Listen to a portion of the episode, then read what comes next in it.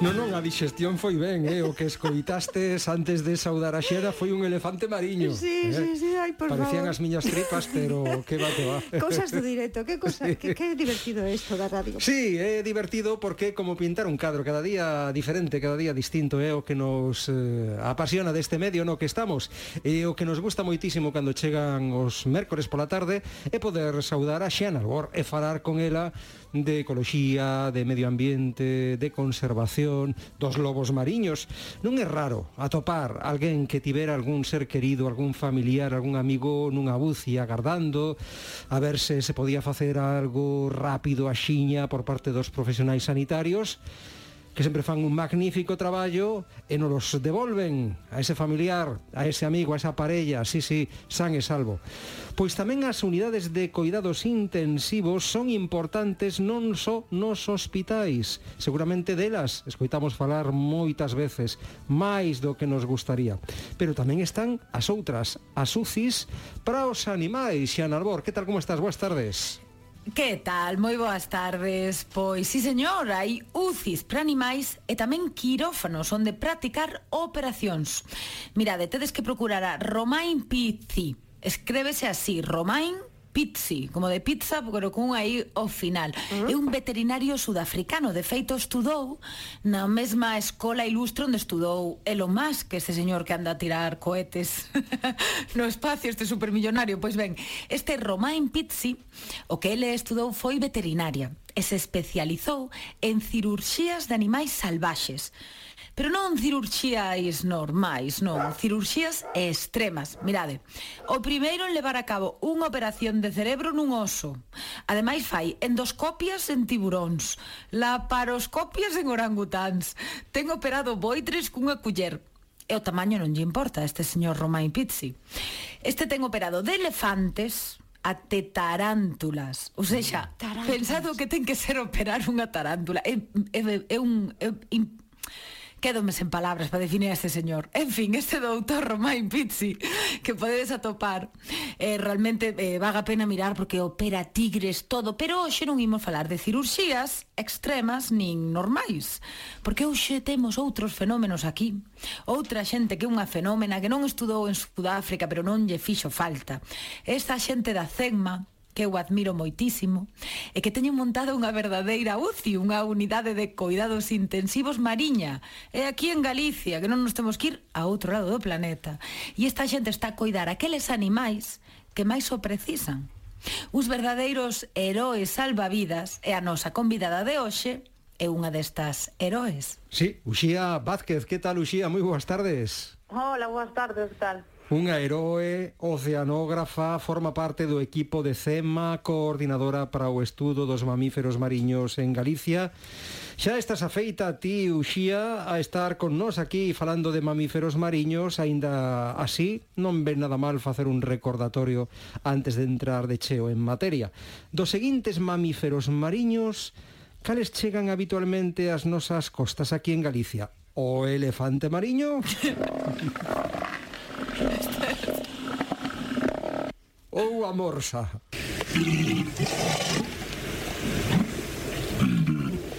Ou oh, o lobo mariño.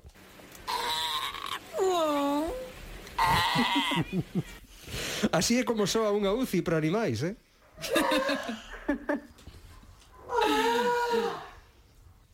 Quen soaba por aí, Uxía, quen estaba desa dar mimiños a coidar na vosa UCI? Sí, sí, pois exactamente, en concreto ese eh, é eh, cadrado, pero, bueno, este ano temos tam, a, a tres lobos mariños, temos a, a Maxi, a Cadrado e a Leis, pero tamén nombrachedes por aí a Morsa, mm. E, e eh, en Galicia temos registros de hai moitísimos anos, eh, pero ta, eh, máis recentemente se viu unha eh, no Golfo de Vizcaya. Pero bueno, En Galicia, os máis habituales son os lobos mariños cincentos, que son os que temos actualmente na UCI. Mm, e que cuidados dades aí na vosa UCI? Pois eh, todo o que necesiten, sobre todo curar as feridas coas que chegan, alimentalos, porque moitos chegan desnutridos e nin sequera saben comer, como quen di, e tamén pois tratalos de posibles neumonías que poidan ter ou parásitos, eh, bueno, todo isto que poden padecer os, os animais salvaxes. Mm. Dalle, Siena. Neu, bueno, neumonías, quedome parva porque non é que non me cadra un lobo mariño cunha neumonía, non viven aí o frío, porque como poden coller unha neumonía? Non sei se o sabes, igual é unha pregunta rara. No, no, é totalmente normal. A ver, eles eh, viven no frío, pero pasan frío tamén, quero decir. Claro. chegan claro, chegan eh, moi delgados tamén, eh, moitas veces, pois, eso, poden coller frío ou simplemente unha neumonía eh, por mm, parásitos ou calquera outra enfermidade que, lle, que, que poidan ter. Porque cando claro, chegan esa... a vos, per, perdoa, Xana, cando chegan ao CEMA é porque que? Porque se perderon ou porque bueno, os capturaron sen querer? Explícanos, Xuxía pois eh, por ambas cousas tamén que acabas de decir, pero bueno, en xeral eles eh, chegan ás nosas costas, pois poden estar feridos, ben xa pois eh, con mordiscos incluso de, de, de cans ou, bueno, carnívoros terrestres en xeral, pero moitas veces son de cans. Eh, tamén están aparecendo eh, pois en redes. Este último que escoitábamos agora, Cadrado, eh, apareceu nas redes dun barco, envolto nas pois nas tanzas e con anzois e todo isto, entón claro, tamén mm. tiña feridas provocadas, non, po, polas redes. E ademais pois poden estar extremadamente delgados por por eso falta de de comer e tamén teñen moito frío, entón chegan deshidratados incluso e moitas veces pois hai que recolleros. Bueno, Era unha parvada de pregunta, entón, é que estaba pensando que deime aí, Eleno, que ia dicir era unha chorrada, así que che agradecín que me pararas, porque o típico de que... que... chorradas, eh, sempre se preguntan sí. cousas... Claro, A veces parece no, unha chorrada a pregunta, pero a resposta é interesante. Cantas claro. veces non nos bueno, pasa? É o típico, unha persoa negra se pon morena, sí, tamén. Que, quero dicir que se o penso, pois claro, unha persoa que vive no frío tamén pode coller neumonías. Foi unha parvada de pregunta, pero bueno, así sabemos que se quedan moi delgados, se, se poden, claro, a, a graxa é boa, a graxa é boa. En fin, eu sei que mm, eses cuidados intensivos que eu tiven a sorte de ir un día aí a, a hai un par de anos a cuidar dun lobo mariño. Ai, mamá Elena, ti chorarías do bonito no que é darlle aí. Ah, sí. Ai, de verdade, pensei choras. que bueno, pe, pe, pensei que me decías que choraría polo final da historia, que supoño sería boa. Non, eh, choras de emoción porque é precioso a labor que fan e estás ali pois axudando a xente da cema e lle das peixe o lobiño e che come unha man ás veces sin querer, verdad, mm. Uxía? Sí, sí, hai que ter moito cuidado. Entón, claro, eu me pregunto, porque son eh, precisamente coidados intensivos, unidade de coidados intensivos, e iso, pois, require moito persoal, e, pois, a veces eso pode ser complicado. Como vos organizades, Uxía, para para dar esa atención que están a requerir eses lobiños mariños? Pois, primeramente, temos o equipo veterinario que lle fan todo o recoñecemento necesario, e os diagnostican do que, do que teñan, e, bueno, unha vez temos o, o tratamento, nos dan eles o tratamento, pois eh, temos sobre 42 persoas a semana que nos veñen a axudar nas quendas Carai. eh, que temos para os seus cuidados. E sí que, mm, pois, complicado organizarnos, pero tamén eh, necesitamos non desas persoas que, que, que se achegan a, a CEMA para poder... Eh, Voluntarios Efectivamente. Uh -huh. E de noite tamén están co, co lobo mariño ou co animal que sexa? Eh, sí, mm, si sí é necesario, sí, pero bueno, normalmente son tres quendas ao día eh, que corresponderían coas comidas, non? Pois, por la noite sería máis a fea e, e xa está. Uh -huh. Eu, por exemplo, se me atopo cun lobo mariño nunha praia, nun peirao, non sabería como actuar, Uxía, que teria que facer? Pois antes de nada deixalo tranquilo, como, uh -huh. como sempre decimos cando falamos de, de animales deste estilo. E segundo, chamar inmediatamente para dar aviso da, da súa presencia, pois o 112 ou ao teléfono de, de coordinación de CEMA. Eh, intentar, pois eso, non alteralo, non botarlle auga, non intentar devolverlle, eh, devolvelo a auga, porque eles suben a descansar, eh, o animal pode estar perfectamente descansando e non necesitar non a, a nosa axuda. E seguimos acompañados de cans ou outros animais ollo, non? Porque o mellor non é moi boa idea. Sí, efectivamente. Bueno, eh, compre lembrar sempre que os, que os cans á praia tenían que ir atados, mm. entón xa sería un, unha axuda para evitar calquera problema que podamos ter co lobo mariño e co, e co can.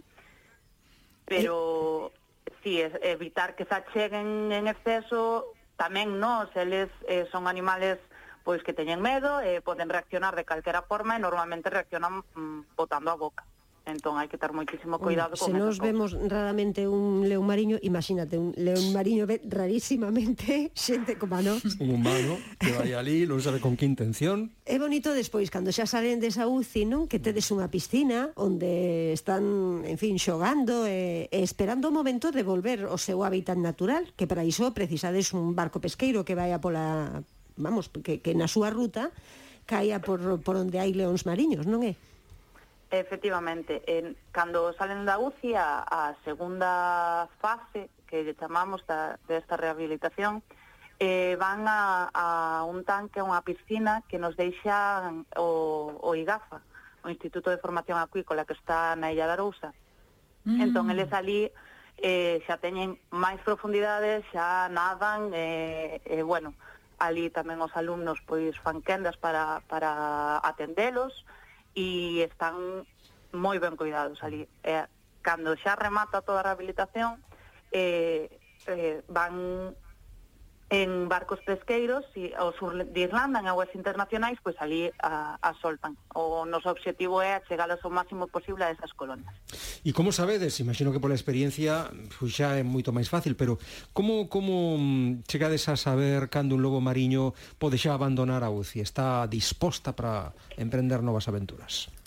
Eh, pois Normalmente xa non lo contan eles, xa velos moi activos, eh, comen moito e bueno, eh, tamén intentamos leválos a, a un peso, non a un, a un peso óptimo para, para que eles se acaben eh, desenvolvendo no, no mar sen problemas. Eh, bueno, nestes casos ás veces o, o propio cadrado que escoitábamos antes mm, quería salir dali por todos os medios. Buscaba sitio para marchar el solo. Entón, bueno, xa, uh, ah, xa non lo contan eles, non? Quero marchar de aquí, eh, a máis cadrado estaba tamén en boas condicións. O tiña unha ferida que foi necesario curar, entón, pois, el non entende mm, estar mm, en, en mar, no mar, libre, de repente, pois unhas persoas descoñecidas mm. o levan a, a un sitio pechado que, que fan ali cousas, porque claro, hai que facerlle as curas, non? Que pon, bueno, o pobre estaba un pouco saturado tamén. bueno, dá tempo para preguntar eh, que teño dúas curiosidades. Adiante coas dúas. A ver, que peixe lles gusta máis? Estou pensando, pois se lles gusta máis o xurel ou que lles gusta máis e que tal se levan entre eles, porque ás veces tedes a mellor dous ou tres lobos mariños, fanse amigos ou teñen aí rencillas. Eh, bueno, pois en canto ao peixe, eh non lle fan ascos a nada realmente, nós intentamos dar de xarda sardiña, pero bueno, tamén intentamos telos separados, eh, porque, bueno, ao final pode haber problemas entre eles que non se entendan e non vai a ser que, que se líen, non? A, ou sea, trabadas, por exemplo. Pero, pero bueno, en principio, eh, por, por lo de agora non tivemos ningún problema con, con que estivesen xuntos. Esperemos que siga así. Uh -huh. porque, bueno, ao final son, son cachorros e... Eh, eh, inda que estén xogando todo o mundo se enfada, non? Pero, pero bueno, polo de agora vai todo ben. pois Uxía, foi un enorme placer terte con nos esta tarde. Mira que aprendemos unha mancha de cousas Que gustazo saber do traballo enorme que facedes. E temos un agasallo para ti para despedir este tempo de conversa. Esta canción! A ver se che gusta. É un rigui Por ahora mola. Mm. Os rígidos mariñeiros de La Matumba.